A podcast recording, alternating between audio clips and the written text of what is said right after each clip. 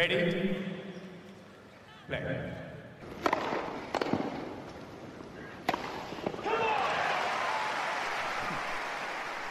Merhabalar, Farklı Kaydetin Tenis Podcast'i Inside Out'un 2020'deki ilk bölümüne hoş geldiniz. Ben Gökalp. Ben Anıl, merhaba. Yeni yılınız kutlu olsun. Herkese keyifli ve tenis dolu güzel bir yıl dileyelim ilk podcast yayınımızda.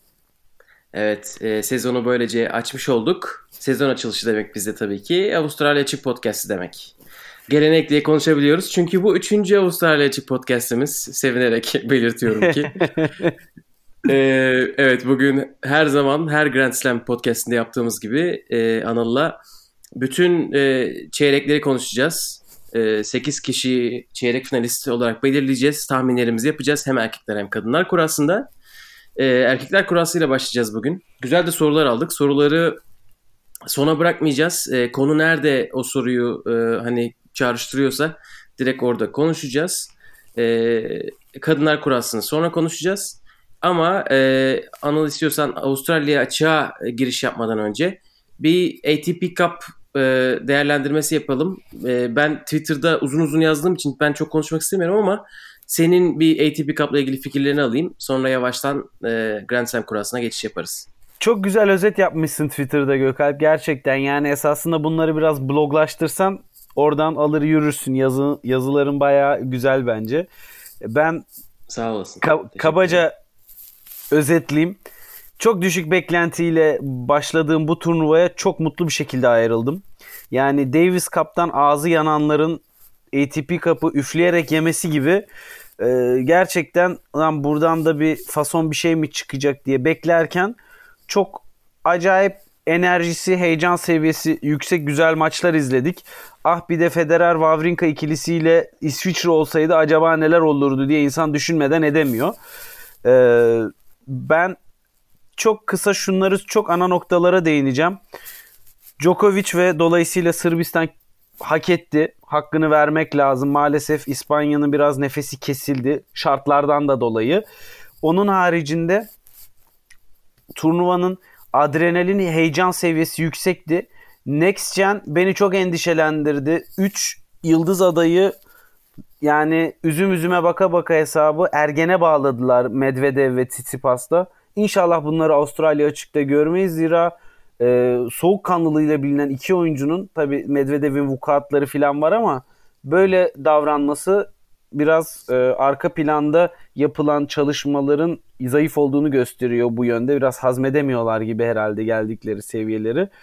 Takım ruhu acayip bir şekilde yansımıştı e, kortlara. Yani kortun organizasyonunu değerlendirdiğin zaman köşelerde büyük e, izleme alanların olması Davis Cup'tan ziyade çok daha ateşleyici bir etki yarattı oyuncularda.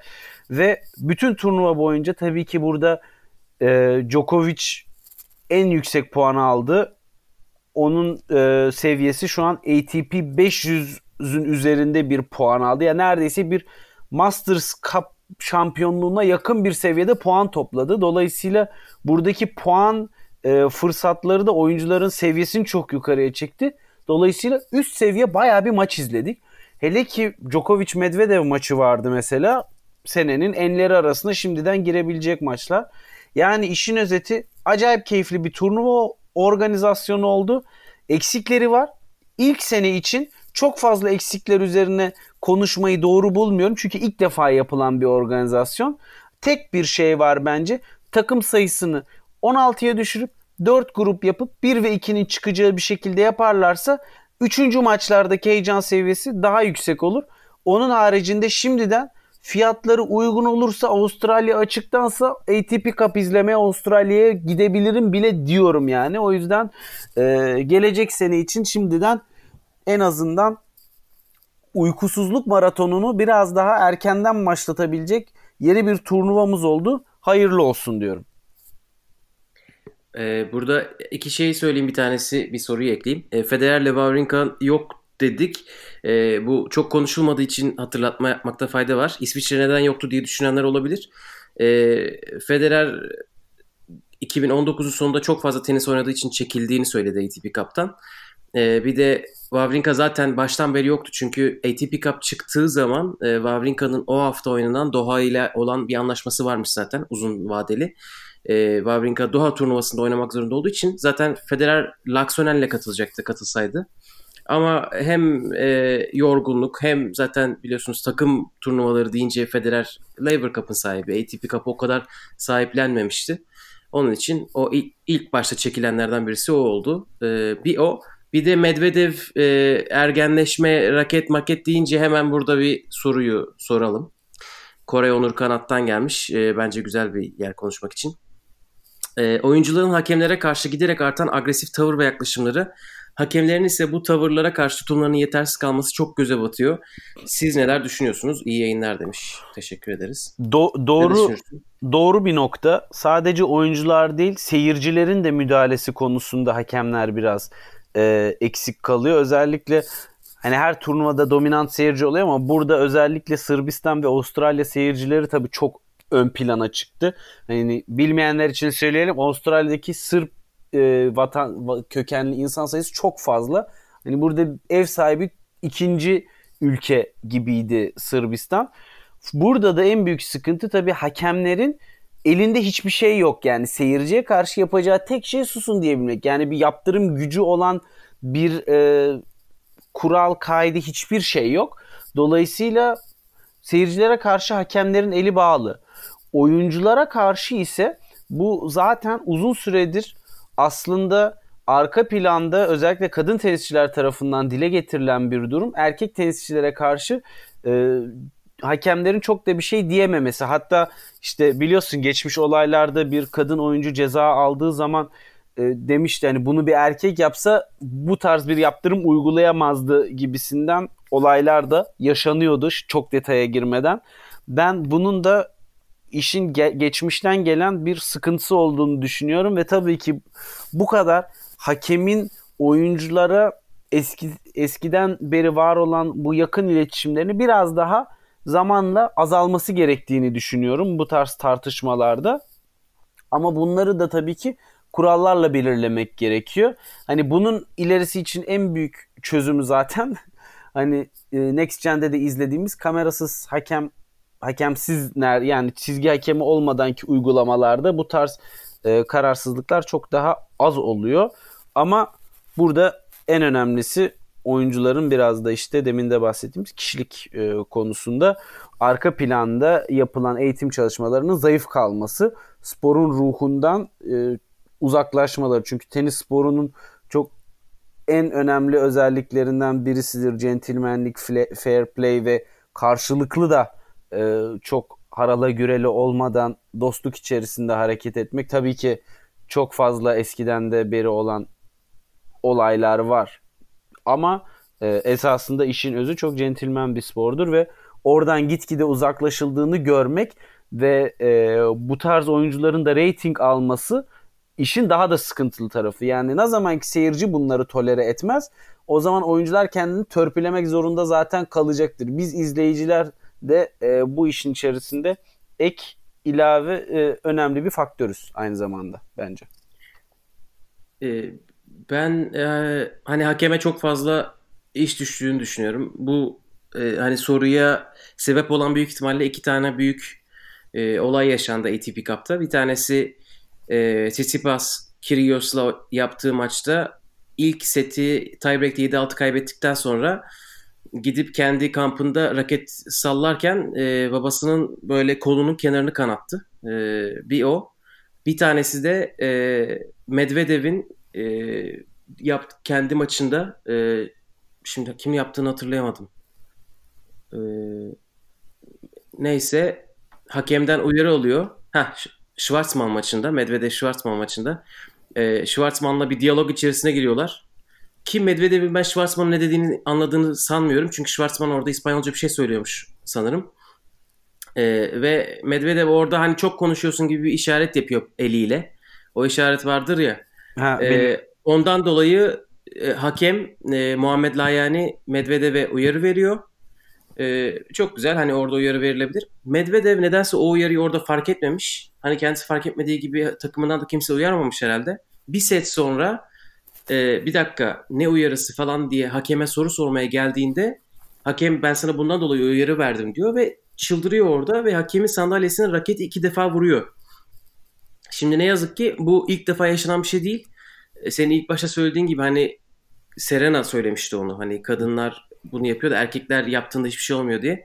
Burada aslında tam tersi bir olay da var. Pliskova da bir kez bir hakem sandalyesini raketle kırıp geçmişti. E, ya bunlar normal şeyler değil ve bence buradaki en önemli şey hakemlerin e, karar istikrarı. Hakemlerin e, ne kadar kararlı oldukları. E, ya, bu da ITF'de bitiyor. Çünkü regülasyonu e, Uluslararası Tenis Federasyonu belirliyor. Hakemler burada e, bir de tabii ki yani Uluslararası Tenis Federasyonu sporun nereye gitmesini istiyor. Senin dediğin gibi sportman, fair play bir tarafa mı gitmek götürmek istiyor yoksa 80'lerdeki gibi yok bizim dramamız olsun McEnroe istediğini yapsın hakeme e, işte işte tozunu attırsın ortalığın ikisi farklı yöntemler. Eğer sportman fair play olmasını istiyorlarsa bu iki olayın da Medvedev'in e, işte e, hakem sandalyesini raketle vurması da Sisipas'ın babasını yaralaması ikisi de e, direkt orada diskalifikasyon gerekiyordu orada. Hani hiç şey yapmadan bence hiç düşünmeden maçı bitirmeleri gerekiyordu.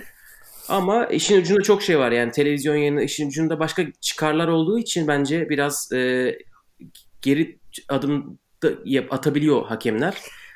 Bir de Muhammed Layani özelinde çok fazla ön plana çıkmak. Çok seviyor Layani. Aşırı. Gitti, finalde Sır, Sırpça, Sırpça konuştu. Aynen. Yani Sırpça dediği çok şey de bu arada çok bir şey demiyor. Yani lütfen diyor sadece. Hani please'in Sırpçasını söylüyor. Onu neden e, Sırpça, İngilizce söylemedi? Anlam veremedik. Çünkü oradaki Sırpların yüzde yüzü e, çok büyük ihtimalle Layane'den iyi İngilizce konuşuyordur. yani onlar Avustralya'da doğmuş büyümüş insanlar evet. çoğu ikinci jenerasyon. Birinci jenerasyonlar da vardır tabii ama onlar da daha iyi konuşuyordur. E, hakemlerde bir gerçekten bir şey olması gerekiyor. Bir silkelenme gerekiyor. E, benim bakış açımda bu şekilde. Evet yani e, burada son bir nokta koymak gerekirse Schwartzman Medvedev'den başladık. Maç bittiğinde de Schwartzman Medvedev'e iyi bir oyuncusun ama davranışlarında çok gelişmeye ihtiyacım var gibisinden bir şey söyledi. Hani bu da esasında e, iki kuşak arasındaki ön plana çıkan oyuncuların davranış biçimleri arasındaki farkı göstermek için de çok önemli bir e, gösterge. Schwartzman da centilmenliğiyle, efendiliğiyle turda sevilen oyunculardan bir tanesi. Güney Amerika'dan geliyor esasında insanların kanının kaynadığı, e, duygusal davranışların çok olduğu bir kültürden geliyor. E, ona rağmen bunları gözlemleyip Rus kökenli, soğukkanlı birine söylemesi esasında kültürden ziyade biraz da davranış biçiminin şekillenmesiyle alakalı. Yani bakalım bu e, Next Gen'den e, de doğan böyle 20 yaşında biz artık olduk yıldızız tadında ortalarda dolanmalarının e, şeyi etkileri nereye gidecek? Çünkü Novak Djokovic ve Rafa, Rafael Nadal'la yaptığı gösteri maçında da bu konuya sık sık dokundurmalar yaptı. Hani abiler diyebiliriz artık onların da gözünden kaçmıyor ince ayarlar, rötuşlar yapılacak mı? Yapılırsa nasıl yapılacak? Göreceğiz. Yani bunlar üst en üst düzey oyuncular diye çok konuşuyoruz ama tabii ki Next Gen'de gelen diğer oyuncuları tam tersi davranışlar da var yani. Bir e, Keçmanovic, bir Berettini e, burada çok daha farklı örnekler mesela. Bir Haşanov. Haşanov da mesela çok daha Medvedev'le alakası olmayan davranışlar içerisinde ama neyse.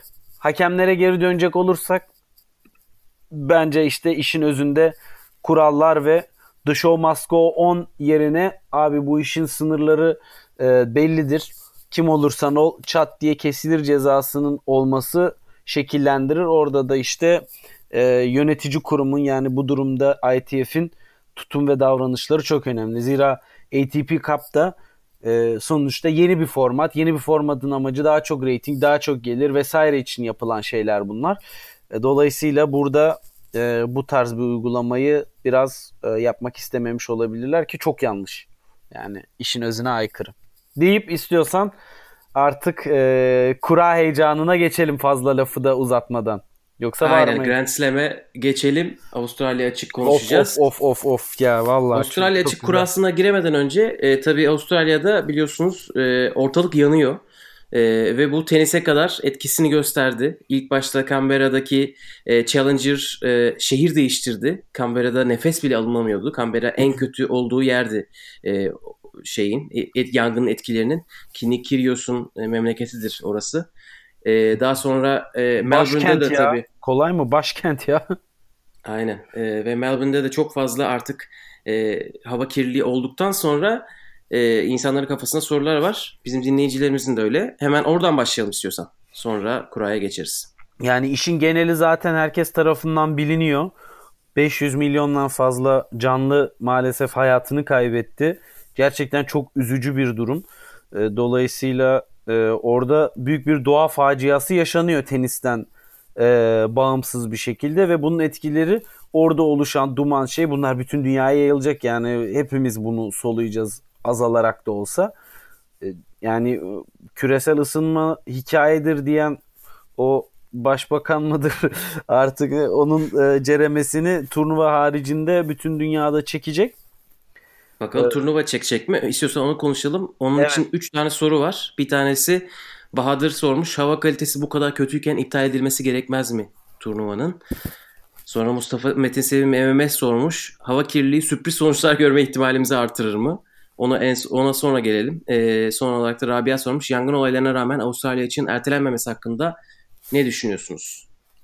Ben Ee, ben bir şeye baktım. güzel. Bu e, hava kalite endekslerine baktım. E, çünkü e, şey yok. Avustralya açık sitesinde yazan hiçbir şey yok. Hani hava sıcaklığı gibi hava sıcaklığında şöyle olursa biz e, maçları durdururuz diye çok net daha net hadi diyelim e, bir kural var. Çünkü Avustralya çok sıcaklardan da çok çekiyor tabii ki biliyorsunuz. E, bu sefer öyle bir şey çıkmamış. Hani böyle bir rakam yok bakabileceğiniz. Ama diyorlar ki işte meteoroloji bürosu, e, sağlık departmanı ve işte e, bir tane daha kurumla çalışıyoruz. E, orada doktorlar var falan filan. Elemelerde ne yazık ki e, bir oyuncu çekildi. Bol boylardan e, bir ya da bir, bir- birden fazlası e, dayanamadılar oradaki havanın şeyine, kirliliğine ki bunlar astım hastası olanlar değil, astım hastası olanlar daha kötü durumlara düşebilirlerdi. E, hava kalite endeksi ölçülüyor her gün.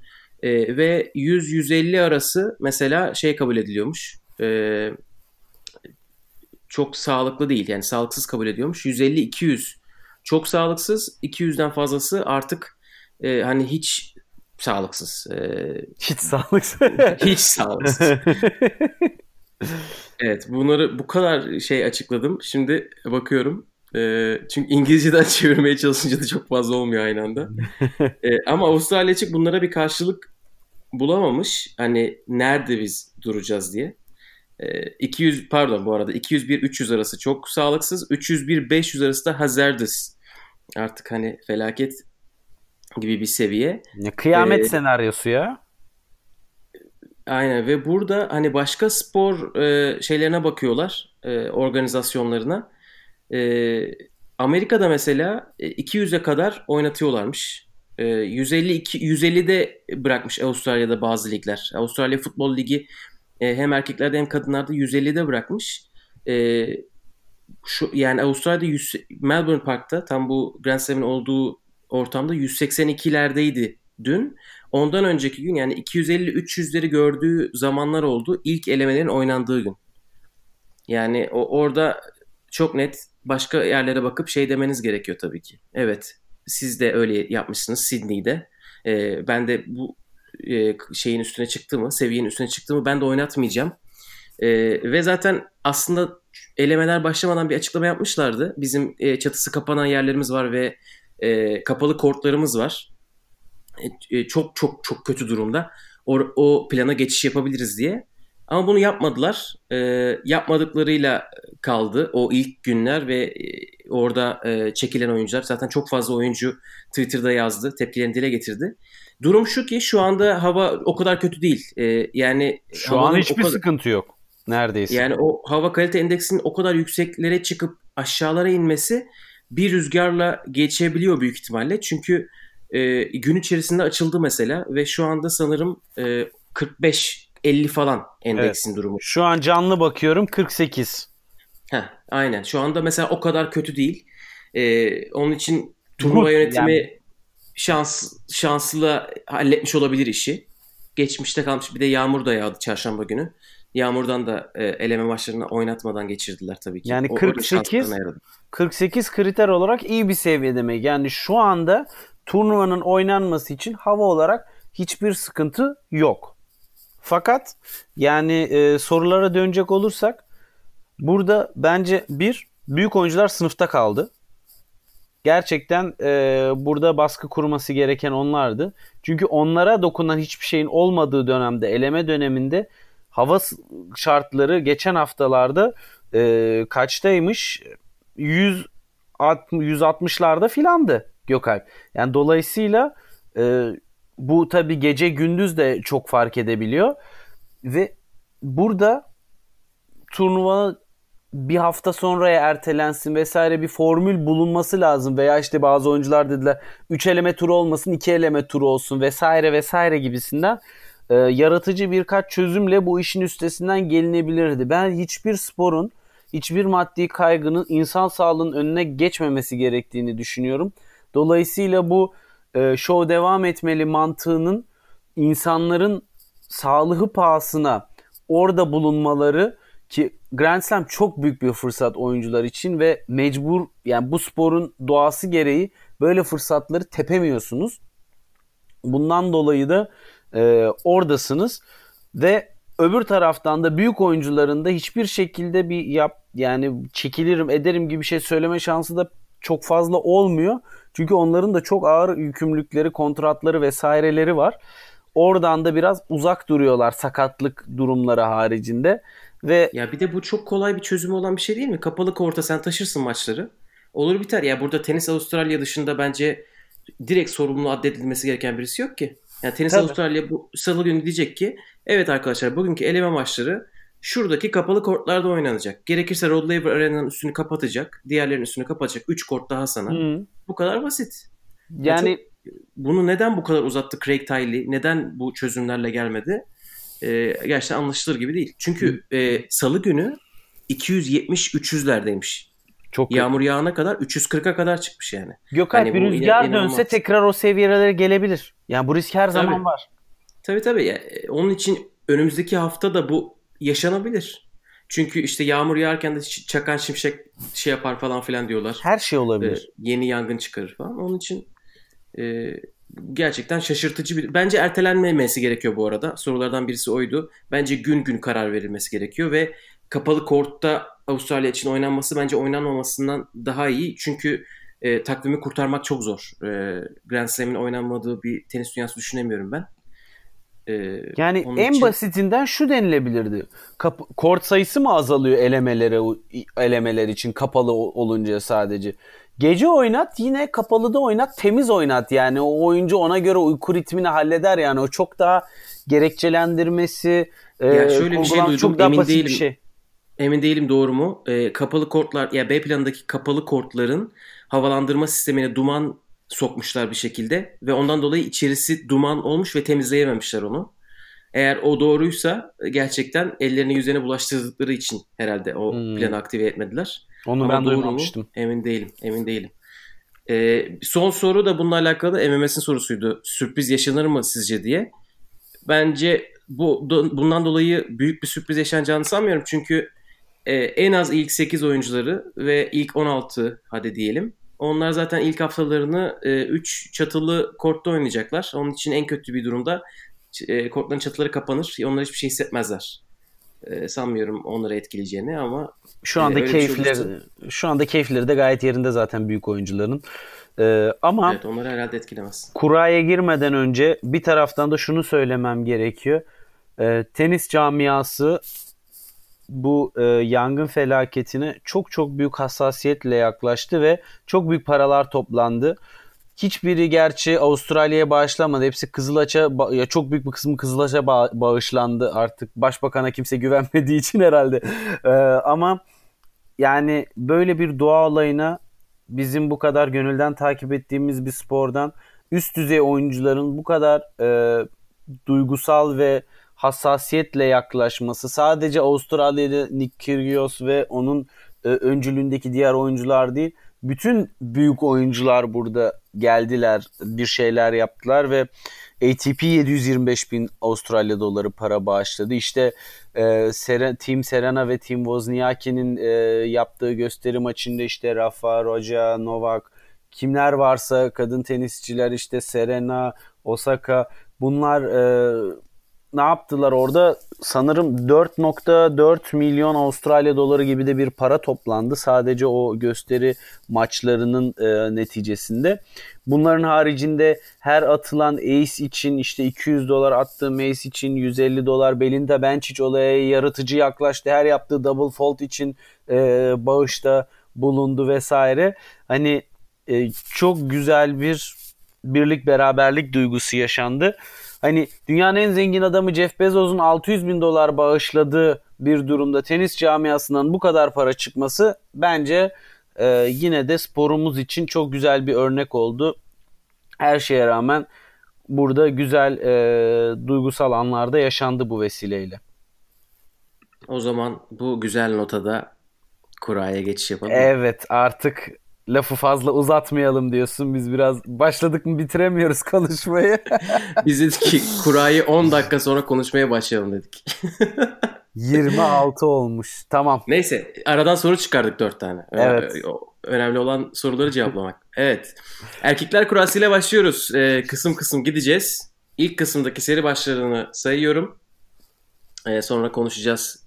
Ee, kimleri çıkartıyoruz. 1 Nadal, 27 Carreño, 23 Kyrgios, 16 Hachanov. Bu dört ismi burada rahatsız edecek çok bir isim göremiyorum. Zaten dört tane isim elemelerden gelecek bu kısma. Sen bunları rahatsız edecek birilerini görüyor musun? Görmüyorsan buradan kimi çıkarıyorsun ama? Yani bir sakatlığı yoksa ATP Cup'ta biraz yorgunluk belirtileri vardı. Tabii ki Nadal buradan gözü kapalı çıkması lazım. Ee, fakat Kyrgios'ta göstermiş olduğu olgun tavırlar ve tenis kalitesi olarak da üst düzeyde olmasından dolayı bize heyecanlı bir dördüncü tur maçı izletebilir diyorum. Nadal Kyrgios dramatik bir maç olabilir. Ama yine de Nadal çıkar diyorum. Evet buradaki e, eğlenceli maçlardan birisi olursa 3. turdaki Kyrgios Hachanov maçı olacak. O da olacaktır tabii. E, Kyrgios katılıyorum sana. E, beklemediğim bir şekilde hem iyi oynadı hem de Tsitsipas maçında çok olgun davrandı. Çünkü maçı kaybetmeye çok yakındı. E, zaten 3 tane tiebreak oynadılar. E, ben şaşırdım. E, ama yani olgun davranması çok bir şey değiştirmiyor. Çünkü Tsitsipas maçında böyle bacak arası bir şey vuracağım diye inanılmaz kolay sayıları falan verdi. E, o taktik yani konsantrasyon dağılıp şey olmuyor yani toparlanmıyor. Her ne kadar raket kırmasa da e, oyunu çabuk bitirme şeyi e, içgüdüsü hala yok gibiydi bence. Onun için bence buradan Nadal dediğin gibi rahat çıkması lazım. O zaman ikinci section'a geçiyorum. Geç bakalım. 10 ee, numaralı seri başı Gael Monfils. Onun haricinde 20 numarada Felix Ojer Aliasim, 29 Taylor Fritz ve 5 numarada Dominic Thiem. Bunların haricinde Protected Ranking ile Pos Vasek Pospisil katıldı. Ee, onun haricinde seri başı olmayan bir Kevin Anderson var. Ve geçen sene de burada e, maç kazanan wildcard'la Alex Bolt var. Onun harici Adrian Manarino var ki ATP 250 son Ant, e, Antalyalarda da kupa kaldıran bir isim. Yani e, geçen sene olsa buradan her şey olabilir diyordum. Ama e, önce senin tahminini alayım. E, ben her şey olabilir noktasındayım. Öyle bir tahminim var. ee, seri başlarını konuşalım mı? Yoksa tahminimi mi söyleyeyim? Yani nasıl istersen. Hadi tahminimi söyleyeyim. Tahminimi söyleyeyim. Ee, ben Kevin Anderson diyorum buradan. ATP Cup'ta fena oynamadı değil mi? Yani Kevin Anderson sakatlıktan dönüyor. Ee, hiç beklenmedik bir performans gösterdi bence ATP Cup'ta. Tek maçını Djokovic'e kaybetti. O da 7-6 7-6. Ee, ve bu bu kısım bence çok zayıf. Ee, biraz da ondan. Yani Felix bence iyi durumda değil. Taylor Fritz hakkındaki hayal kırıklığımı biliyorsun. Evet. Dominic Thiem ATP Cup'ı iyi geçirmedi. Avustralya'da da öyle ahım şahım bir karnesi yok. Monfils de öyle ATP Cup'ta bir iki maç oynadı birini kazandı. Ya Felix e, Ojer Aliasim şu anda bir arayış içerisinde Ra- raketiyle e, çok uğraşıyor şu anda bir optimizasyon yakalamaya çalışıyor. Yani biraz detay olacak ama raketin tansiyonu, tel türü filan onları biraz e, deneyip optimize etmeye çalışıyor. Bu da maç maç performanslarına son maçlarda özellikle yansıyor. Yani şu anda biraz risk aldığı bir dönem o açıdan. Kazanmak için oynamıyor. Dolayısıyla yine de 3. tur görebilir diyorum. Her türlü. Ama ben şimdi ATP Cup'ta ATP Cup demişim. ATP Finals'ta bir Dominic Thiem Novak Djokovic maçı vardı sert zeminde. Gökalp yani ben o team'i buradan çıkarırım. Kusuruma bakmazsan. ATP Cup sezon başı deyip orayı bir göz ardı edip ATP Finals'taki o maçlara dönersem ki çok güzel bir turnuva çıkardı. Ee, Evet. Ben oraya bakıp team diyorum. Ama Anderson sürpriz efekti de her zaman olabilir. Sert zemin, servisçi ve güzel bir ATP Cup performansı tabii ki olabilir. Evet sen Dominic Thiem dedin burada ben Anderson dedim. O zaman geçelim mi 3. kısma? Geçelim. Evet 4 numara Medvedev, 28 Songa, 19 Isner, 15 Wawrinka. Burada Medvedev ilk tur maçını Tiafoe ile yapıyor. Ee, Songa da Popirin'le yapıyor. Geçen senenin e, sürpriz yapan Avustralyalısı. Evet. Ee, bir de burada alt kısımlarda bakıyorum. Wawrinka'nın ikinci tur rakibi olabilecek bir Kecmanovic var. O da güzel maç olur. Evet o da güzel maç olur. Kecmanovic e, güzel geliyor buraya. Evet. Fena e, şey yapmadı. Turnuva oynamadı. Bakıyorum. Nerede oynamıştı o? Doha'da e, çeyrek final yok hayır yarı final gördü. Rublev'a kaybetti orada. Güzel maç Ee, oldu o da. Ve zaten Dubai'de yaptı off season'ını. Güzel bir off season geçirdi kendisi. Çünkü e, Djokovic ve Federer'le çalışmış off season'da.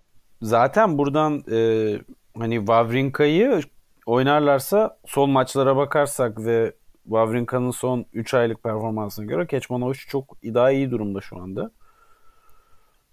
Ama e, bana soracak olursan yani buradan Medvedev'in çıkmaması büyük sürpriz olur. Bence de Medvedev burada. Yani çok Burada başkasını düşündün mü diye bakıyorum. Medvedev diye yerine. Ama geçen sene olsa Munar derdin de ya artık bunları so- bak görüyorsun ikinci önemlilerde bile okumuyorum. evet. Ee, o zaman ikimiz de Medvedev dedik. Evet. Bir sonraki kısma. Wawrinka'yı bu arada konuşalım mı? Ee, Doha'da oynadı Wawrinka tabii. Ee, ama orada e, Ya- yarıda gitti. Moutet'e kaybetti. E, Mute Mute iyi geliyor. Evet orada ya Corentin Moutet gibi bir isme de kaybetmesi Wawrinka'nın formunu da bence bir şey gösterir. Yani hani Mute'yi de çok hakkını yememek lazım. Geçen Fransa açıkta ilk defa izleme şansım olmuştu canlı. Yani o zamandan bu zamana üstüne koyarak geliyor. Hani bu sene patlama senesi olmaz ama heyecanlı maçlar çıkarmaya aday. Corentin Mute hani dinleyicilere buradan oyuncu olarak tavsiye edebileceğim isimlerden bir tanesi. Göze çok hoş geliyor ya tenisi. Çok iyi. O zaman dördüncü bölüme geçelim mi? Haydi. 11 numaralı seri başı David Goffin, 17 Rublev, 26 Bazilashvili, 7 numarada Alexander Küçük Ergen Zverev. Babasını ağlattı ya gerçekten yani ben çok e, iyi değil onun durumu. E, ben Bu şey yardım etkinliğinde bile bir mutsuz gibiydi bence ya. Bir somurtkan falandı. Federer'de adam edemezse onu kimse adam edemez yani. Burada senin kura tahmininle beraber e, Rosie Report'un sorusu var. Zverev'e dair. Zverev kaçıncı tura kadar gidebilir? Burada iki tahmin yapıyoruz. Buradan kim çıkacak ve Zverev kaçıncı tura gidecek? Evet sendeyiz. Rosie Report'a da e, sorusu için teşekkür edelim. Yaptığı güzel analizleri tenis camiasına taşımamıza yardımcı olursa çok seviniriz. Severek takip ediyoruz futbol analiz, analizlerini.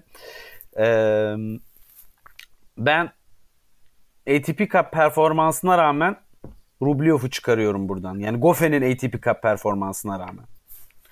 Evet. Ben Rublev'u çok beğeniyorum. Gerçekten e, geçen sene bir Federer'i yenip bir ufak bir sürpriz yaptı.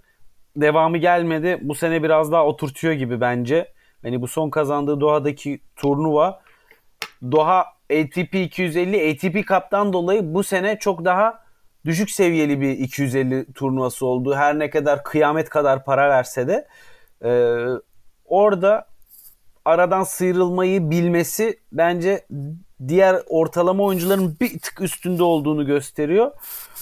Goffen'de biliyorsun yani bir oynuyor bir oynamıyor. Bilemiyorum onu. Zverev'e zaten kelimeler kifayetsiz. Ayrı bir yayın yapmak lazım. Çok öfkeliyim onun bu davranış biçimine karşı. Çok inanmıştık kendisine. Ama e, Çekinato zaten hani artık maalesef şey değil. Fakat burada bir de e, Zverev'i konuştuğumuz için yene, yenebilecek bir isim var. O da Casper Ruud. Yani Zverev Çekinato'yu geçerse ikinci turu geçemez bence. Sen ikinci turda kalacak diyorsun. Evet. Casper Ruud bu arada iki, iki tane güzel maç kazandı ATP Cup'ta. Evet. Bir Isner'ı yendi. Bir de e, birisini daha yendi. Bir de Fonini'yi yendi. İki tane güzel maç. E, onu buraya getiriyor. E, David Goffin tabii Nadal'ı yendi ATP Cup'ta. Öyle bir moralle geliyor ama bence Rublev'un tenisi Goffin'i alt edebilecek durumda. Ya benim bu kısımda Rublev, Rublev'u ben bu, bu arada şanslı buluyorum. Güzel bir kura çekmiş. Ee, yani buradan Rublev'u çıkartmamam için tek şey yorgunluğu olabilirdi. Çünkü e, Doha'yı kazandı. Doha'da dediğin gibi çok üst düzey tenisçiler yoktu. Orada mesela çeyrekte Erber'i, e, yarıda Kesmanovic'i, finalde de Mute'yi yendi. Yani Ama sonra gitti Adelaide'e katıldı. Adelaide'de de şu anda yarı finalde. E, Dan Evans'ı yendi. Felix'le oynayacaklar.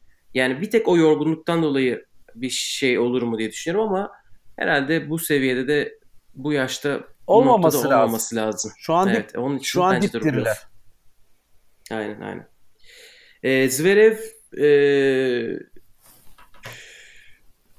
bence hadi ben senden biraz daha iyimser davranayım. Ki ben Kasper Ruud'un Zverev'i yenebileceğini düşünüyorum. E, ben de ki dördüncü tura çıkacak orada yenilecek. Tabii. Yani zaten Kasper'i geçerse sonra Bazilashvili Verdasco Üçüncü tur daha kolay bir maç bence de. Evet. Üçüncü tur ikiden de dörtten de kolay olacak gibi. Ama 4 4 gider yani yok mümkün değil. Evet. Bence Yani. de. Bu arada şunu söylemek lazım. Zverev'in ayrı ayrı bütün vuruşları harika. Servisi de dahil ama kafası yerinde olduğunda. Yani yani hakikaten yani bu diyebileceğimiz bir şey yok. Ben Zverev'in iyi attığı servisi de görüyorum. Kötü attığı servisi de görüyorum. Tamamen psikolojik. Hareketi yapamıyor. Yani yarım kalıyor bir şey oluyor. Kafa bir yerlerde. Forentleri de öyle böyle bir yarım bırakıyor bir şeyleri garip garip. Yani çekse vursa koluyla uçup gidecek toplar ama artık bu kadar e, ön plandaysan bunları çözmen lazım. Deyip 5. kısma geçebiliriz. Haydi geçelim. Beşinci kısımda 8 Berrettini, 26 Çoric, 22 Peya, 12 Fonini. Buradan bakalım kimler var. Ee, Sam Querrey var. Burada bir sıkıntı yaratabilecek. Çoric ile ilk turda oynayacaklar. Bir de e, Opelka'yı söyleyeyim. Opelka Fonini ile ilk turda oynayacak. E, burası bana e, erkek kurasının en kolay, en kolay demeyeyim. En boş böyle ne olacağını anlayamadığım kısmı geldi. Evet, her Grand Slam'de olduğu gibi hiç kimsenin çıkmamasını e, istediğimiz bir e, section tekrar oluştu. Başka kısımlardan ikişer tane çıksın. Evet. Buradan çıkmasın. Çıkmasın yani o orası burası. İki Çoric- İtalyan burada başı çekiyor. Aynen. Çoric burada biraz yukarıya ivmelenebilir mi bu turnuvada? Merak ediyorum. Çok istiyorum. Ama e, açıkçası son performansını Berrettini'nin ben en son ATP Finals'ta izledim. Oradan Oynamadı. oradan Çekildi çünkü sonra ATP Cup'tan. değil mi? Gelmedi hiçbir yere. E, İlk maç olacak.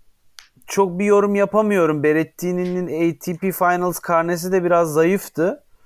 Hani orada da tabii çok üst düzey isimlere karşı oynuyorsun. Onun da etkisi var haliyle. Ee, gönlüm Berrettini demek istiyor ama sanki Çoric çıkacakmış gibi buradan Gökalp. Ee, yani biraz evet ortada çünkü Berrettini son 7 maçın 6'sını kaybetti. Çoric son 9 maçının 8'ini kaybetti. Ee, Kim daha Berrettini- kötü? Onu Evet tartışıyoruz. aynen. Ya, kısım olarak genel olarak öyle. Fonini keza ATP Cup'ta maçlar kaybetti. Zaten ATP Cup'ta oynayacağı maçtan bir gün önce gelmeyi lütfetmiş Avustralya'ya. Jet lag inanılmaz olan bir yerden bahsediyoruz. Ee, ve onun için bu kısım ya Peya da çok iyi durumda değil. Ee, madem sürpriz olacak o zaman ben full sürprize gidiyorum diyerek O, bublik, bublik mi? Bublik mi? Ay, Opelka'yı çıkarmaya Ha. karar verdim şu anda. Ah, Çeyrek finali. bizim hem bir eğlence show business Sasha Bublik. Ray Opelka yani Ace bağışına yani ATP Cup'ta oynatsalardı zaten bütün gelirini e, verecekti herhalde. Ace başına 10 dolarla katkıda bulunarak herkesi geçmiş yine. o Ee, zaman Burada e, senin tahminini alalım. Söyledin mi sen? e, ben Çoriç dedim. Çoric tamam. Burada hemen bir soru sıkıştıralım. Sam Querrey Soru değil de bir yorum var. inatla katılıyor Grand Slam'lere. Kim? Sam Querrey o da Ha, artık evet. Uzun kontenjanından. evet. Ee, Doğukan Dilber 4 soru sormuş. Hepsini dağıtalım olduğu yerlere. Eksik Bir olmasın. tanesi erkeklerde Çoric ve Yannick Sinner sürpriz adaylarım sizin demiş. Ben herhalde Opelka ile yeterince sürpriz yaptığımı düşünüyorum. bir de Kevin Anderson da oraya yazabilirim. Ee, ona da cevap olarak Özgür demiş ki Çoric ikinci tur göremez. Sinner de belki ikinci tur sürprizi Ruslardan bekliyorum demiş o da. Ee, senin şimdiye kadar e, bu evet sürpriz yapar dediğin biri var mı yoksa son üç kısmı bekleyip öyle mi söylemek istersin? Yani hemen gelecek bir sürpriz adamı, adayım var. O yüzden şimdiden O zaman söyleyeyim. bekliyoruz. Ee, Şapo. Oo, bu büyük sürpriz. Şapo. Sürpriz bekliyorum Şapo'dan. O zaman sen o kısmı oku konuşalım. Altıncı kısmı okuyorum. 13 numaralı adayımız sürpriz isim Deniz Shapovalov. 18 numara Grigor Dimitrov. 31 numara Hurkaç. Ve 3 numara majesteleri Roger Federer. Yani e, her tur mu birbirinden sert olur Roger için? İk, ilk tur, ikinci tur geçer ama 3'ten itibaren dayak yiyecek. Ne düşünüyorsun? Ya dayak yiyeceğinizi düşünmüyorum. Ee, ama Nadal ve Djokovic'e e, nazaran zor bir 3. 4. tur çektiğini düşünüyorum. Yani e, 3-0 3-0 geçemez. Ya belli de olmaz. Çünkü Hurkaç'la önceden oynamadılar galiba Grand Slam. Böyle ilk defa Grand Slam'de Federer'le oynayan bir şey oluyor ya. Neye uğradığını şaşırabiliyor. Onun aurasından. Aynen. Ayıp olur vurmayayım topa ya bu adama da sayı mı e, şey yap- Evet. Ama şöyle söyleyeyim. Yani Hurkaç Federer'i yenecek derlerse çok şaşırmam. Hani en şaşırdığım şey olmaz. Ee, Shapovalov belki biraz daha. Çünkü Shapovalov'u artık Federer biliyor. Ee, ama bence de zorlu bir kısım. 3 3 4. tur maçları zor. Bir de ola ki oradan başka bir sürprizler oldu. John Millman Roger Federer maçının da nostaljik bir efekti olacaktır. Eğer öyle bir eşleşme olursa.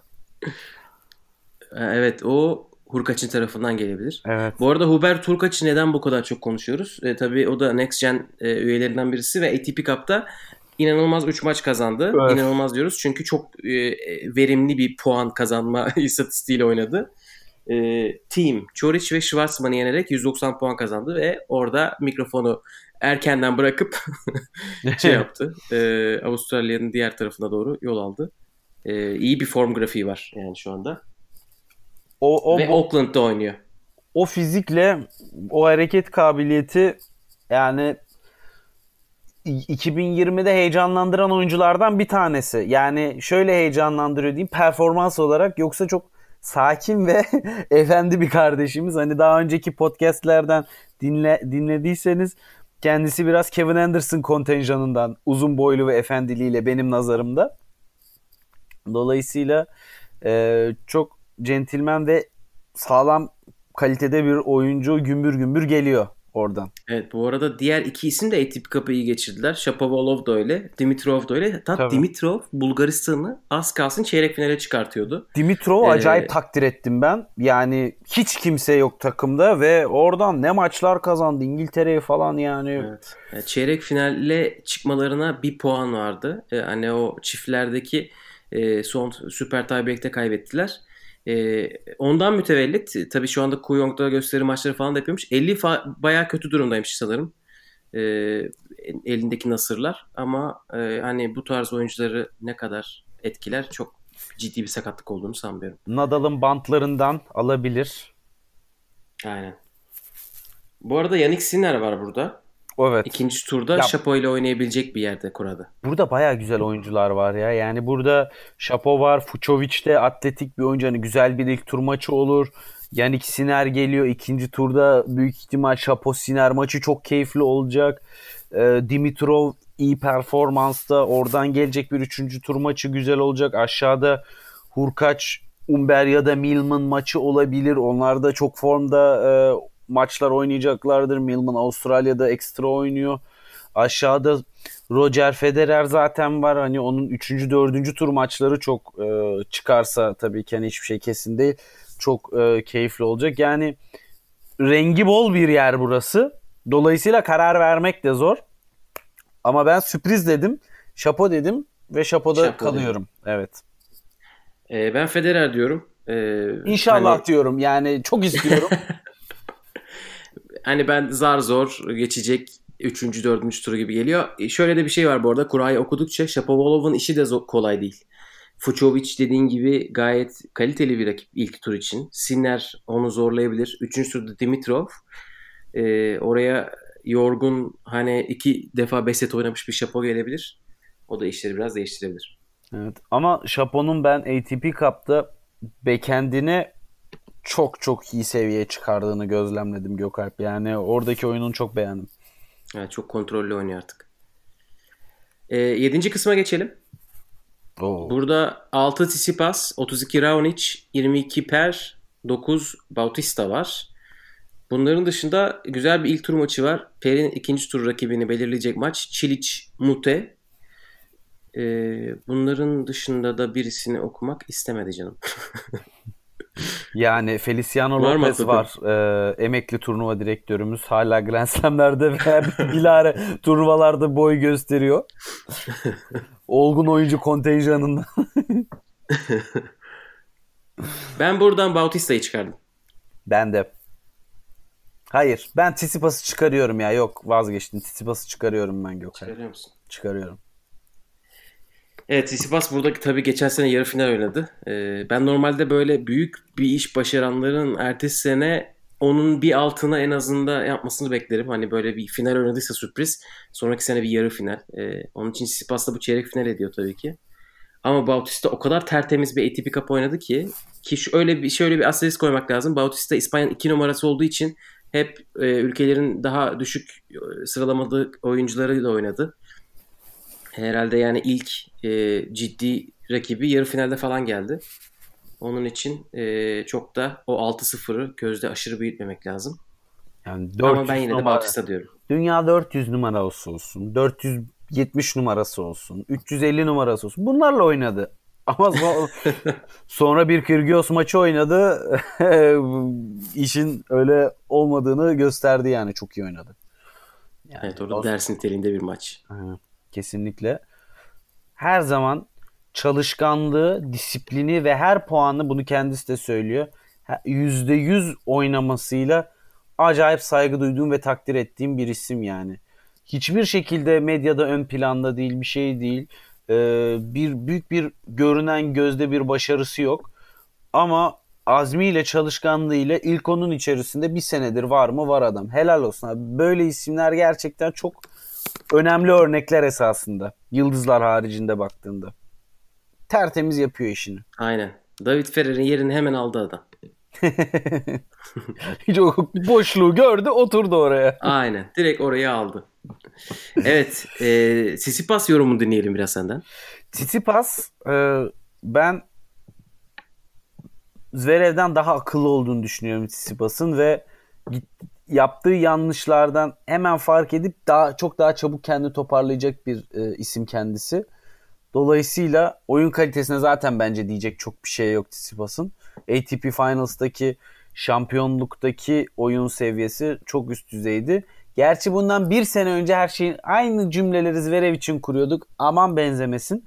Ee, o yüzden Güzel kura çekmiş ama. zaten rahat ilerleyecek. Dördüncü tura gelecektir. Ee, Raonic eğer büyük bir sürpriz yapmazsa ki form grafiği şu anda maalesef hiç eskiden çok uzakta. Hani Raonic de çok sevdiğimiz bir oyuncu esasında. Ee, o yüzden buradan Bautista Tsitsipas maçından Tsitsipas çıkar diyorum. Raonic bir sıkıntı yaratır mı diye bakıyorum ama Raonic Corentin Moutet'e kaybetmiş ya.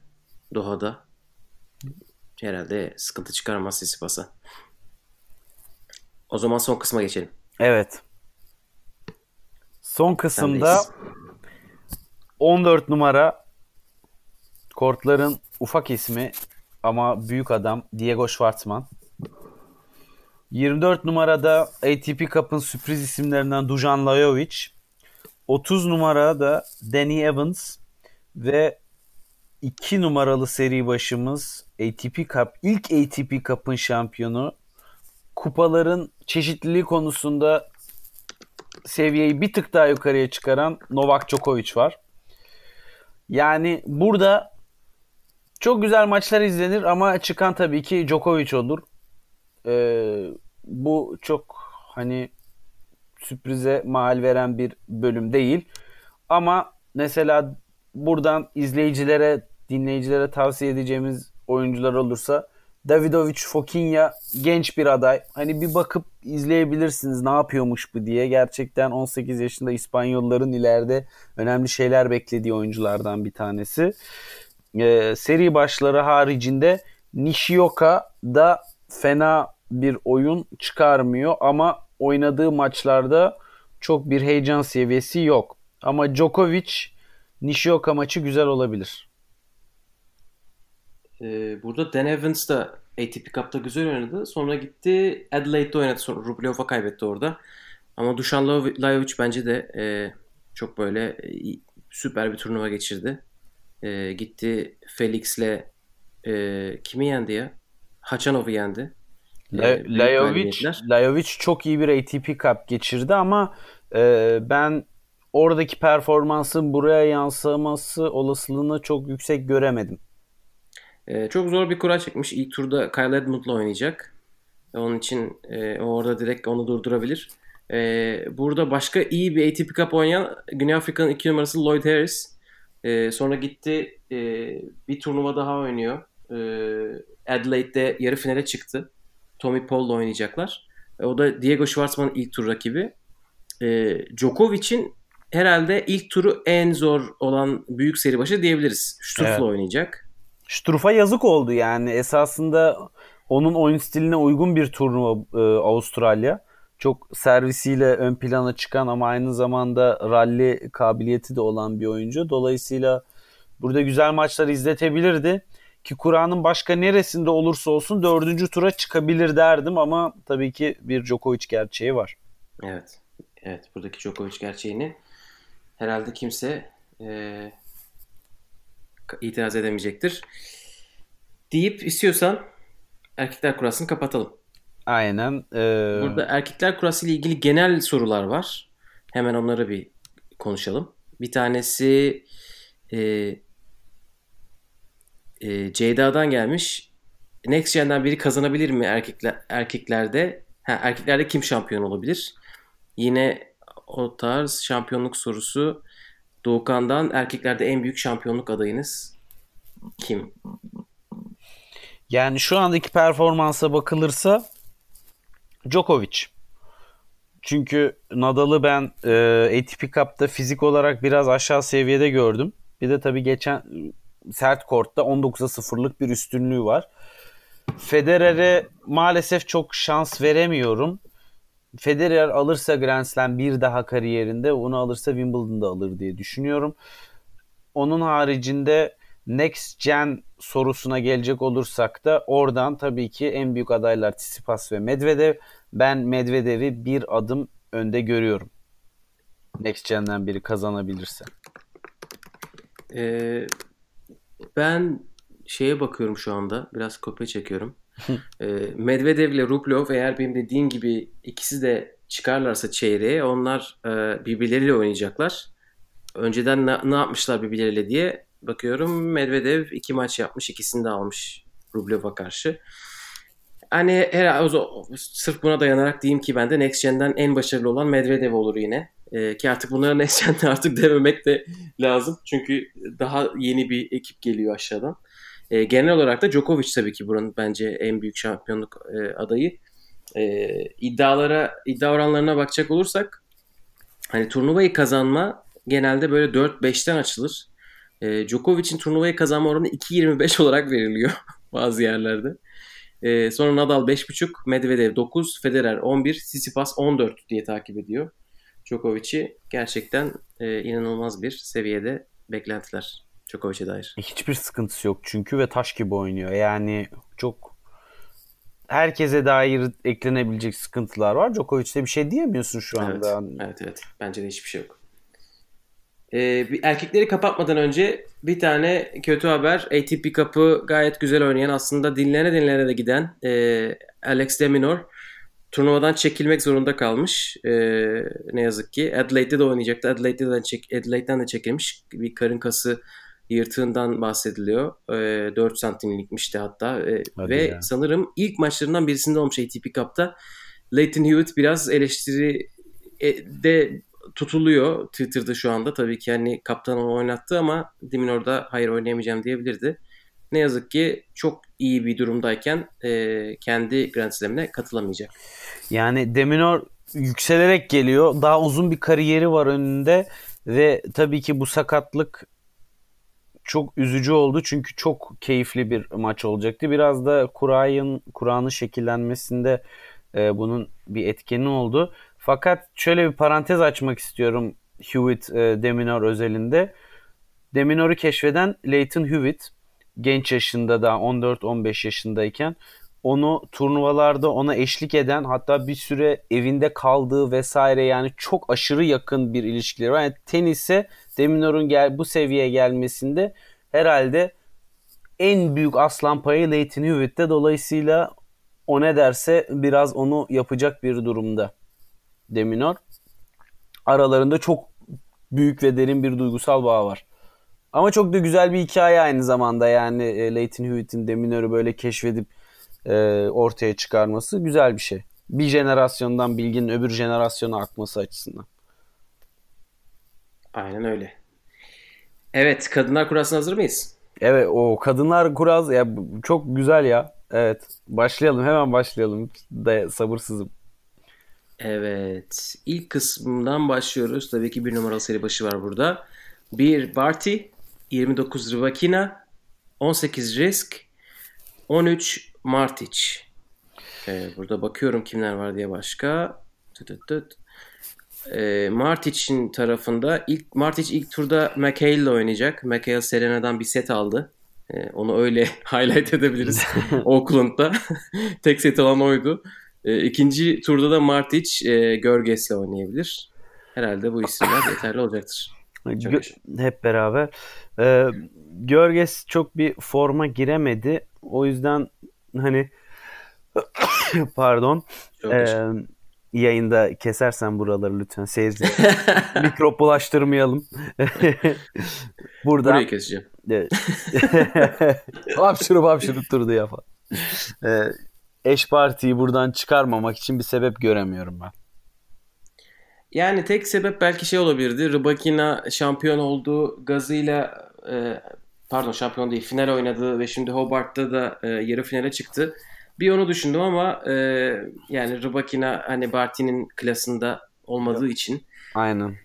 Bence de Barty'ye bir sıkıntı çıkarmaz. E, Barty bu arada Aynen aynen aynen. Avustralya'da ve Avustralya'da Barty bir numaralı seri başı. Teklerde kadınlarda en son ne zaman oldu bu?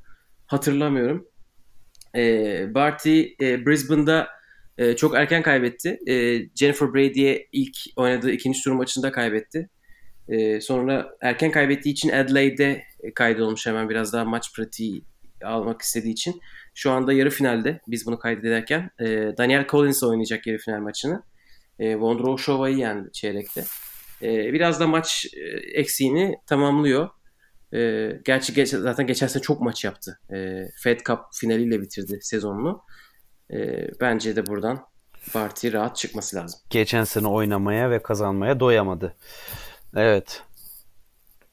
O zaman ikinci section'ı okuyorum Gökalp. 10 numarada evet. Madison Keys, 22 numarada Maria Sakkari, 25 numarada Aleksandrova, 7 numarada Petra Kvitova var. Kimi çıkarıyorsun? Ee, ben burada Keys ile Kvitova arasında kaldım. Zaten yüksek seri başı onlar. Evet. Ee, Keys Kvitova'yı daha yeni yendi. Brisbane'da. Yarı finalde. Ee, dıt dıt dıt. Ben buradan Keys diyeyim. Yani şaşırtacağım seni ama katılıyorum. Esasında çok Kvitova demek istiyorum. Fakat şu anda o top seviyeden biraz aşağılarda gibi görünüyor. Dolayısıyla e, Keys şu an daha formda.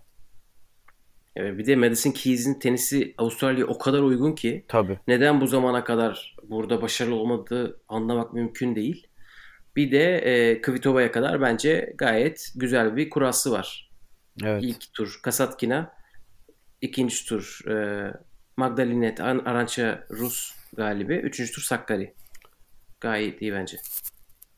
Evet yani Sakkari biliyorsun hep sürpriz beklediğim, patlama beklediğim isimlerden bir tanesi ama gelemedi. Olsun.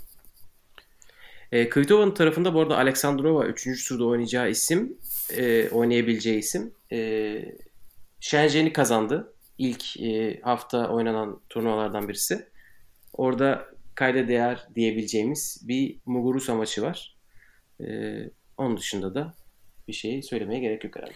Yani tabii ki şu an Rusya'nın kadınlardaki bir numarası. Hani dolayısıyla çok da hafife alınacak bir isim değil ama biraz da Rus tenisinin kadınlar tarafında erkeklerde ters orantılı bir şekilde gelişmesiyle alakalı bir e, durumda var söz konusu. deyip e, üçüncü section'a geçebiliriz. Hemen istersen. çok çok kısa bir e, şey bakayım hemen Alexandra'ya baktım. Ha şey yeni geçmiş galiba. Tabi bu şampiyonluktan sonra e, Pavlyuchaikova'yı geçmiş. Hani Geç, e, Rusya bir numarası deyince e, ben de şaşırdım da birden. bir fact checking yapayım dedim. E, Alexandrova bir numaraya yükselmiş. Üç, üçüncü kısma geçiyorum.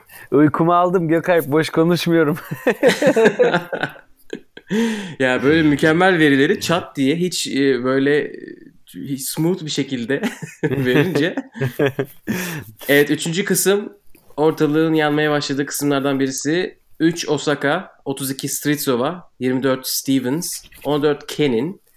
Burada iki tane seri başı olmayan isim var. Ee, of, of, birbiriyle of. oynayacak ilk turda. Yine geldi. Venus ve Kokogov birbirlerine çıktılar. Ee, bunların dışında Stevens'la ikinci turda oynayabilecek Sam Stosur var. Ee, Sam Stosur e, Rene Stubbs'la çalışmaya başladı geçen senenin sonlarına doğru. O da bir teklerdeki performansını yükseltmek istiyorum demişti. Ve e, WTA finali yaptı bir geçen senenin sonlarında. Bu sene iyi e, maç e, oynadı. E, aldığı bir maç var. Şu anda hangi maç olduğunu hatırlayamadım ama e, ilk hazır turnuvasında bakıyorum. Onun için burası Stos'u çok konuşmaya gerek yok ama evet. e, onun dışındaki isimler için gayet heyecanlı bir yer. Yani 2010'ların e, bu arada başında Kerber'i gelmiş. 2010'ların başında Sam Stosur çok iyi bir performans göstermişti. Hatta bir ara 4 numaraya kadar çıkmıştı. Ama e, tabii ki o formundan epey uzaktı. Burası biraz şey gibi ya. Japonya'ya karşı tek nefer e, Japon Amerika'ya bütün Amerika'ya karşı olan yer gibi bir şey burası herhalde. E, ama Osaka çıkar gibi buradan ya Gökalp. Hani Kenin var. Kokogov var. Hani Venus Williams Kokogov maçı ne olur bir önceki karşılaşmaları zaten e, Coco Gauff'un hayallerinin o e, başlangıcının olduğu maç oldu. Fakat yani buradan ben Osaka'yı avantajlı görüyorum. Bu kadar Amerikalı üst düzey ismin bir arada bulunduğu yer olmasına rağmen oradan Japon Osaka çıkar diyorum ben. Sen ne düşünüyorsun? Ee, bence de yani Coco ile Venüs'ün oynayacak olması tabii çok güzel bir hikaye yine. E, hatta Doğukan e, şey demiş Goff Venüs eşleşmesini kim ayarladı? Kendisine teşekkürler demiş. Ee, Valla ayarlamak isteyecek isteyeceklerini sanmıyorum. En azından böyle maçları ikinci, üçüncü tura bekletmeye çalışıyorlar. E, Venüs bir süredir oynamıyor. E, geçen sezonu biraz erken bitirdi. E, ama onun için buradan Kokogov herhalde yürür. Bir, bir iki tık diye düşünüyorum. E, Osaka'yı burada bence de rahatsız edecek tek isim Kenin olabilir. Ama e, aralarındaki head to head'leri de Osaka tarafında. Yani 2-1 Osaka önde ve e, Kenny'nin tek puanı Osaka'nın maçtan çekilmesiyle olmuş. Onun için ben de Osaka diyorum. Anlaşıyoruz Gökalp bu ara. Bakalım kadınlar tenisinde bu kadar benzer tahminler yaptığımızı ben hiç hatırlamıyorum ama hayırlısı. Bence üst kısım biraz daha güçlü çünkü alt kısımda evet. e, sallamaya başlayacağız. Aynen ora şey gibi yangın yeri. Deyip Section 4'e geçebiliriz o zaman. Ee, kim okuyordu? Bende mi sıra sende mi? Sende. Sende. O zaman 12 numaralı seri başımız Konta. 23 numarada Diana Yastremska. 27 numarada Wang. 8 numarada ise anne olduktan sonraki ilk kupasını yeni kaldıran sadece kadın tenisinin değil tenisin ve sporun efsanelerinden Serena Williams var. Ee, buradan çok güzel bir dördüncü tur maçı çıkarsa Yastremska Williams maçı olur. Çok güzel bir maç olur gibime geliyor. Ee, özellikle Sasha Bayin'le çalışmaya başladıktan sonra performansı yukarıya doğru gidiyor diye bir gözlem içerisindeyim Gökalp sen daha iyi bilirsin. Ama ben yine de Serena'yı çıkarıyorum buradan. Sen ne düşünüyorsun? Ee, ben de Serena'yı çıkardım. Hatta Serena ile alakalı zaten bir iki soru var. Ee, Doğukan Andreescu da yokken Serena artık 24 mü demiş. Ee, bakıyorum. Rabia da sizce Serena kupayı kaldırabilecek mi bu kez demiş. Ee, ben kupa kadar emin değilim. Ee, iddialarda Serena 1 numara bu arada. 5-25 ile. Sonra Barty ile Osaka geliyor 9'la. Ben hani e, Serena'nın ilk haftayı atlatacağını düşünüyorum. Bu da demek oluyor ki işte çeyreğe çıkacak. Ama fena bir kura değil. Fena derken hani böyle zorlayacak isimler belki olabilir. Potapova var ilk turda rakibi. Eski Junior 1 numaralarından. Ee, öbür tarafta Yastremska'yı biz geçen sene de hatırlıyorsanız çok beklemiştik. Yastremska Serena inanılmaz bir maç olacak diye. Sonra Serena 6-2 6-1 falan yendi Yastremska'yı. evet. Şu anki şey. tek fark tabii ki Yastremska'yı Sasha Bayin'in çalıştırıyor olması birkaç ay, aydır, haftadır. Ee, Sasha Bayin de böyle Serena ile oynamayı bence seviyordur. Çünkü Osaka Osaka'nın başındayken de Serena'ya karşı aldığı galibiyetler vardı. E, çünkü zaten biliyorsun Serena'ya çok uzun seneler çalıştı Sasha Bay'in. Onun için o e, motivasyonu istiyordur Yastremska için. Ama Yastremska'nın önünde bir Wozniacki engeli de olabilir. Wozniacki son profesyonel turnuvasına katılıyor burada. Ve ikinci turda birbirleriyle karşılaşabilirler. Evet orada ben burada çok... Serena'yı çıkardım. O Wozniacki okumayı unuttum. Çok özür dilerim. Hani seri başı olmadığı için gözümden kaçtı bir anda. Buranın tabii çok özel bir hikayesi Wozniacki'de. Ee, hem Serena ile olan dostlukları, yeni beraber çiftler odaya turnuvaya katıldılar. Aynı turnuvada e, karşılıklı da oynadılar. E, dolayısıyla burada bir Woz... Karşılıklı oynamadılar. Beraber oynadılar. Pardon, beraber oynadılar diyecektim. Kusura bakma. çiftlerde beraber olup karşı takımlara geçtiler falan. Ee, saat ilerliyor. Saatlerimiz gece. evet yine gece yarısı e, seanslarımızdan biri. Biz kayıt böyle saatlerde yapıyoruz arkadaşlar. E, iş güç malum. Ama e, Yastremska Wozniacki yani Wozniacki Yastremska'yı yenerse buradan insanlar yeni bir hikaye çıkarmak için sırada bekliyorlardır Ben Rothenberg falan olsun hepsi sıradalar zaten. Ama tabii Serena buradan çıkacaktır. O zaman aşağı kısma geçelim. Evet. Aşağı Beş, kısım. beşinci kısımdayız. 6 Benčić, 28 Kontaveit, 19 Vekic, 11 Sabalenka. Evet burada Vekic ilk turda Sharapova ile oynayacak. Sharapova e, sıralaması yetmediği için Avustralya açığın e, lütufuyla davetiye ile katılıyor turnuvaya. Hiç hoşlanmadım bu durumdan Gökalp. Yani Sharapova şu anda wildcard almayı geçmiş başarılarıyla ne kadar gerekçelendirilebilirse de e, yani tenisi Ama eski şampiyon ya. Eski şampiyona vermek bence çok şey değil. bilmiyorum, turnuva 2008 şampiyonu. yani neyse çok e, dağılmayalım bu konuya girersek biraz dağılacağız. İşin Ee, başka de- boyutları var biliyorsun. Sabalenka'nın ilk turu rakibi Carla Suarez. ikinci turda da e, sakat mini bir sakatlıktan geri dönmeye çalışan bir Iga Świątek'le oynayabilir. E, buradan kimi çıkartıyorsun? Yukarıda da Ostapenko var onu da unutmayalım. E, kendisi eski bir Grand Slam şampiyonu netice itibariyle. Fakat Senin iki sene üst üste hayal kırıklığı Evet. listende tavanda. Bence bu daha önemli bir ünlü. Evet. tabii tabii. Kupalar, kupalar filan önemsiz. Mühim olan gönüllerde kazandığın ya. Hayallerde kırık. ben buradan Sabalenka'yı çıkarıyorum. Özellikle e, o da yeni babasını kaybetti biliyorsun. Ve Evet. ondan sonra buradan da kendisine başsağlığı dileyelim. Amanda An- Anisimova'dan sonra o da böyle zorlu bir süreçten geçiyor. O da şey dedi. Ben e, disiplinli bir şekilde çalışmaya devam edeceğim. Babamın hayali bir numara e, olmamdı ve onun için bu yolda elimden geleni yapacağım onun dileğini gerçekleştirmek için. Böyle bir duygusal motivasyonun da yanında olmasıyla bence bu turnuvada e, etkili olabilir diye düşünüyorum. Be, double fault rekorunu ama tabii ki Benčić'e e, elinden kimse alamaz diyorum. Hani bu section özelinde konuşmak gerekirse. E, buranın formuna bakacak olursak biraz Sabalenka ilk defa ilk turnuvasını Shenzhen'de oynadı. Orada ikinci turda kaybetti. E, Kristina Pliškova'ya. E, iki, diğer ikizi. Ama sonra şu anda Adelaide'e katıldı ve Adelaide'de devam ediyor. E, çeyrekte Halep'i yendi. E, yarı finalde Yastremska ile oynayacaklar. Güzel E, maç. Aynen o güzel bir şey gösterebilir. Hani kaç, kaçırmayın diyemiyoruz ne yazık ki. Çünkü o maçtan sonra yayınlanacak. Özetine bakın.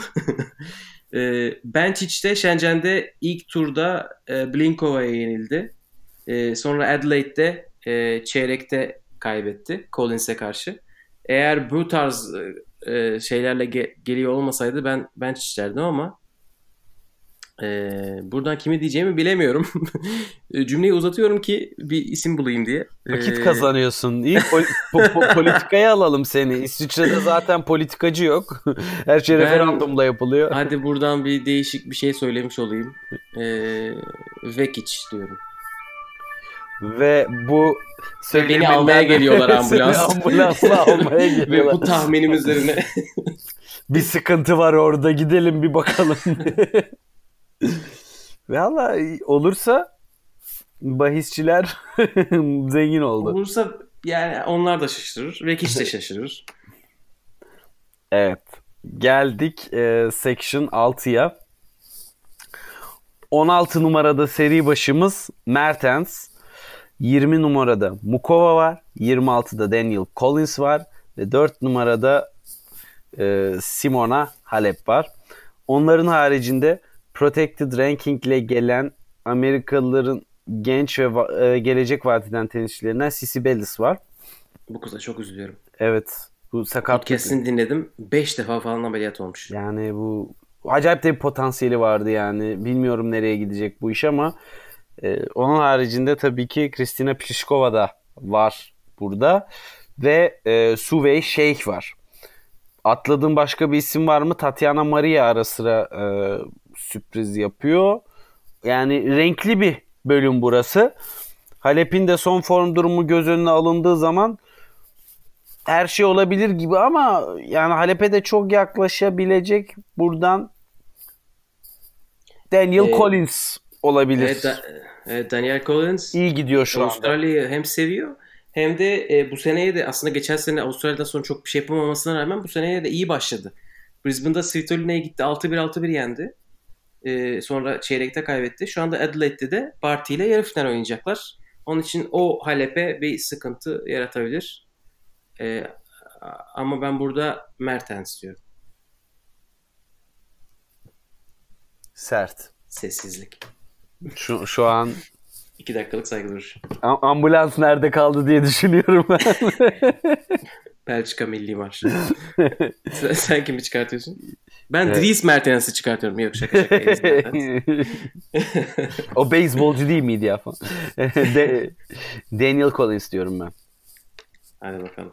Vurdu, vurdum sürprizi. Ki yani Halep'in başarılı olmasını çok isteyen bir insanım ama şu anda e, ki form durumunda Ya tamam. Grand Slam'ini kazandı. O Wawrinka bence modeline döndü. Böyle bir vuruyor tam vuruyor böyle. işte bu sene de Amerika'yı kazanacak. Hiç oynamayı falan. o tarz bir şey yapabilir. evet. Evet. 7. kısımdayız. Section 7. 5. 5 Svitolina. 31 Sevastova. 21 Anisimova. 9 Bertens. Burada seri başı haklarını e, yakın zamanda kaybetmiş bir Muguruza var. Sevastova'nın ikinci turda rakibi olabilecek yerde. Sevastova'nın ilk turdaki rakibi de Tomljanovic. Avustralya'nın e, yeni gözdesi. Fed Cup'ta maçını aldı. Kendine geldi. Herhalde bunlar yeter. Daha ne olsun? Daha ne olsun? Yine renkli bir bölüm Ee, ve işin heyecanının yüksek olduğu bir bölüm. Ben buradan neredeyse Bagel'larla yenilmiş olmasına rağmen Serena'ya karşı tahmin ettiğin gibi Amanda Anisimova diyorum. Onun çıkmasını bekliyorum buradan. Ben de. Aa, yok artık.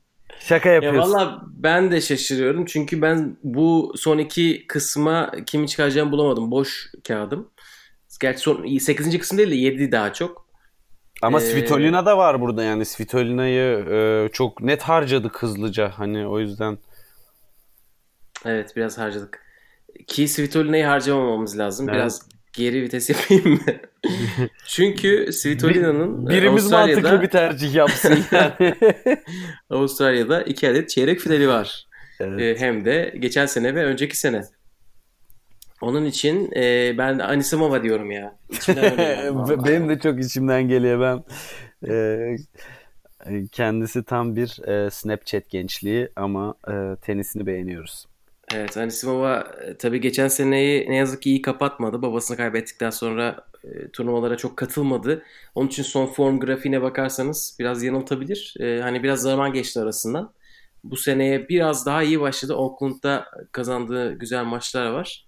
Sonra Serena onu biraz dağıttı ama e, o sevmiştir hani Serena'dan gelince. e, Serena hepsinin ablası, yeri geliyor annesi e, o kıvamda. Dolayısıyla herkesin ona saygı duyması son derece normal. ama herhalde burada mantıklı olan tahmin Svitolina olurdu. Tabii. Ama, Ama biz Anisimova diyoruz. bizde mantık ne gezer diyoruz. Heyecan olsun. Evet son kısma geldik. 15 numaralı seri başı Vondrushova. Fena değil formu. 17 numaralı seri başı Kerber. Çok fena formu. 30 numarada Pavlyuchenkova. Rusya yeni 2 numarası. Ve 2 numarada da Pliskova var. Wildcard'la katılan sakatlıklardan dönmeye çalışan form durumuna dair hiçbir şey bile söyleyemeyeceğim Coco van var. Ee, onun dışında Camila Giorgi var burada.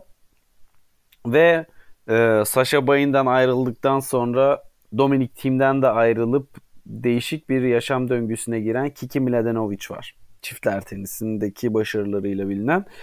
Ee, vallahi Gökalp her şey olabilir ama hadi ben burada senden alayım yükü Pliskova diyeyim. Sen sürprizlere git. Çok istiyorsan Yok yani. ya. Pliškovalı yerde sürpriz mi yapacağım? ee, Valla Vondroshova sürprizi yapmayı çok isterdim ama Vondroshova sakatlıktan daha yeni döndü. Ee, ilk turnuvalarını oynuyor uzun süredir. e, güzel böyle 6-0 6-0'lık bir maç kazandı ama sonra gitti tabii ki kaybetti Halep'e. Pardon e, Barty'ye. E, hani sakatlıktan dönmeseydi Vondroshova Pliškova'ya bir sıkıntı çıkartabilirdi bence. Ama burada Pliškova o da e, bir antrenman e, antrenör değişikliğine gitti tabii. Conchita Martinez, Rene Stubbs beraber çalışıyorlardı. İkisinden de ayrıldı. Onda da böyle bir yeniden başlama, yeni sayfa şeyi mantalitesi olabilir. Ee, Avustralya'yı seviyor bir de. Burada Serena'yı falan yendi. Yani çok iyi bir karnesi var burada. Ama çok uzun zamandır da e, maçı yok yani. O yüzden yorum yapmak zor. Yok ya. Şampiyon oldu Brisbane'da. Yani Daha yeni şampiyon oldu. Evet şu anda Osaka'yı ama, yendi. Madison Keys'i yendi. ama öncesinden bahsediyorum ben. Yani e, Avustralya'ya gelene kadar Ya ama zaten yeni sene ya. evet işte o yüzden Ee, burada bence sıkıntı çıkarmaz onu kimse. Ee, bir iki isim var burada. Pegula. Ee, Oakland'da finale kadar çıktı. Serena'nın rakibiydi. Kendisi e, Amerikalı bir arkadaş. Bir de Kuznetsova. Ee, o da eski Grand Slam şampiyonu kontenjanından okuyalım. Vondroshova ile ilk turda oynayacaklar. Çok güzel maç. Ee, çok efsane bir Amerika açık maçları vardı. Sanırım 3. seti böyle 7-6 biten. Ee, herhalde onun da rövanşını almak ister Vondroshova diye düşünüyorum. İstiyorsan bir soru kontrolü yapayım çünkü kuralları bitirdik. Kaçırdığımız soru olmasın diye. Bakıyorum. Ee, bir tane soruyu göremiyorum çünkü ne yazık ki o kişinin hesabı kapalı sanırım. Adı da Caner ee, Evet. tahmin ediyoruz. çünkü ona gelen bir yanıttan ötürü. Ee, e, Evet galiba her şeyi okuduk. Vay be. İyi her şeyi dağıtmışız bütün soruları. Gelen sorular için de teşekkür teşekkür ederiz. Ee, bir çeyrek finalist tahminlerimizi şey yapayım. Ee, tekrarlayayım. Anıl'ınkiler Nadal, Team, Medvedev, Rublev, Çoric, Shapovalov, Tsitsipas, Djokovic. Ee, benimkilerde Nadal, Anderson, Medvedev, Rublev, Opelka, Federer, Bautista, Djokovic.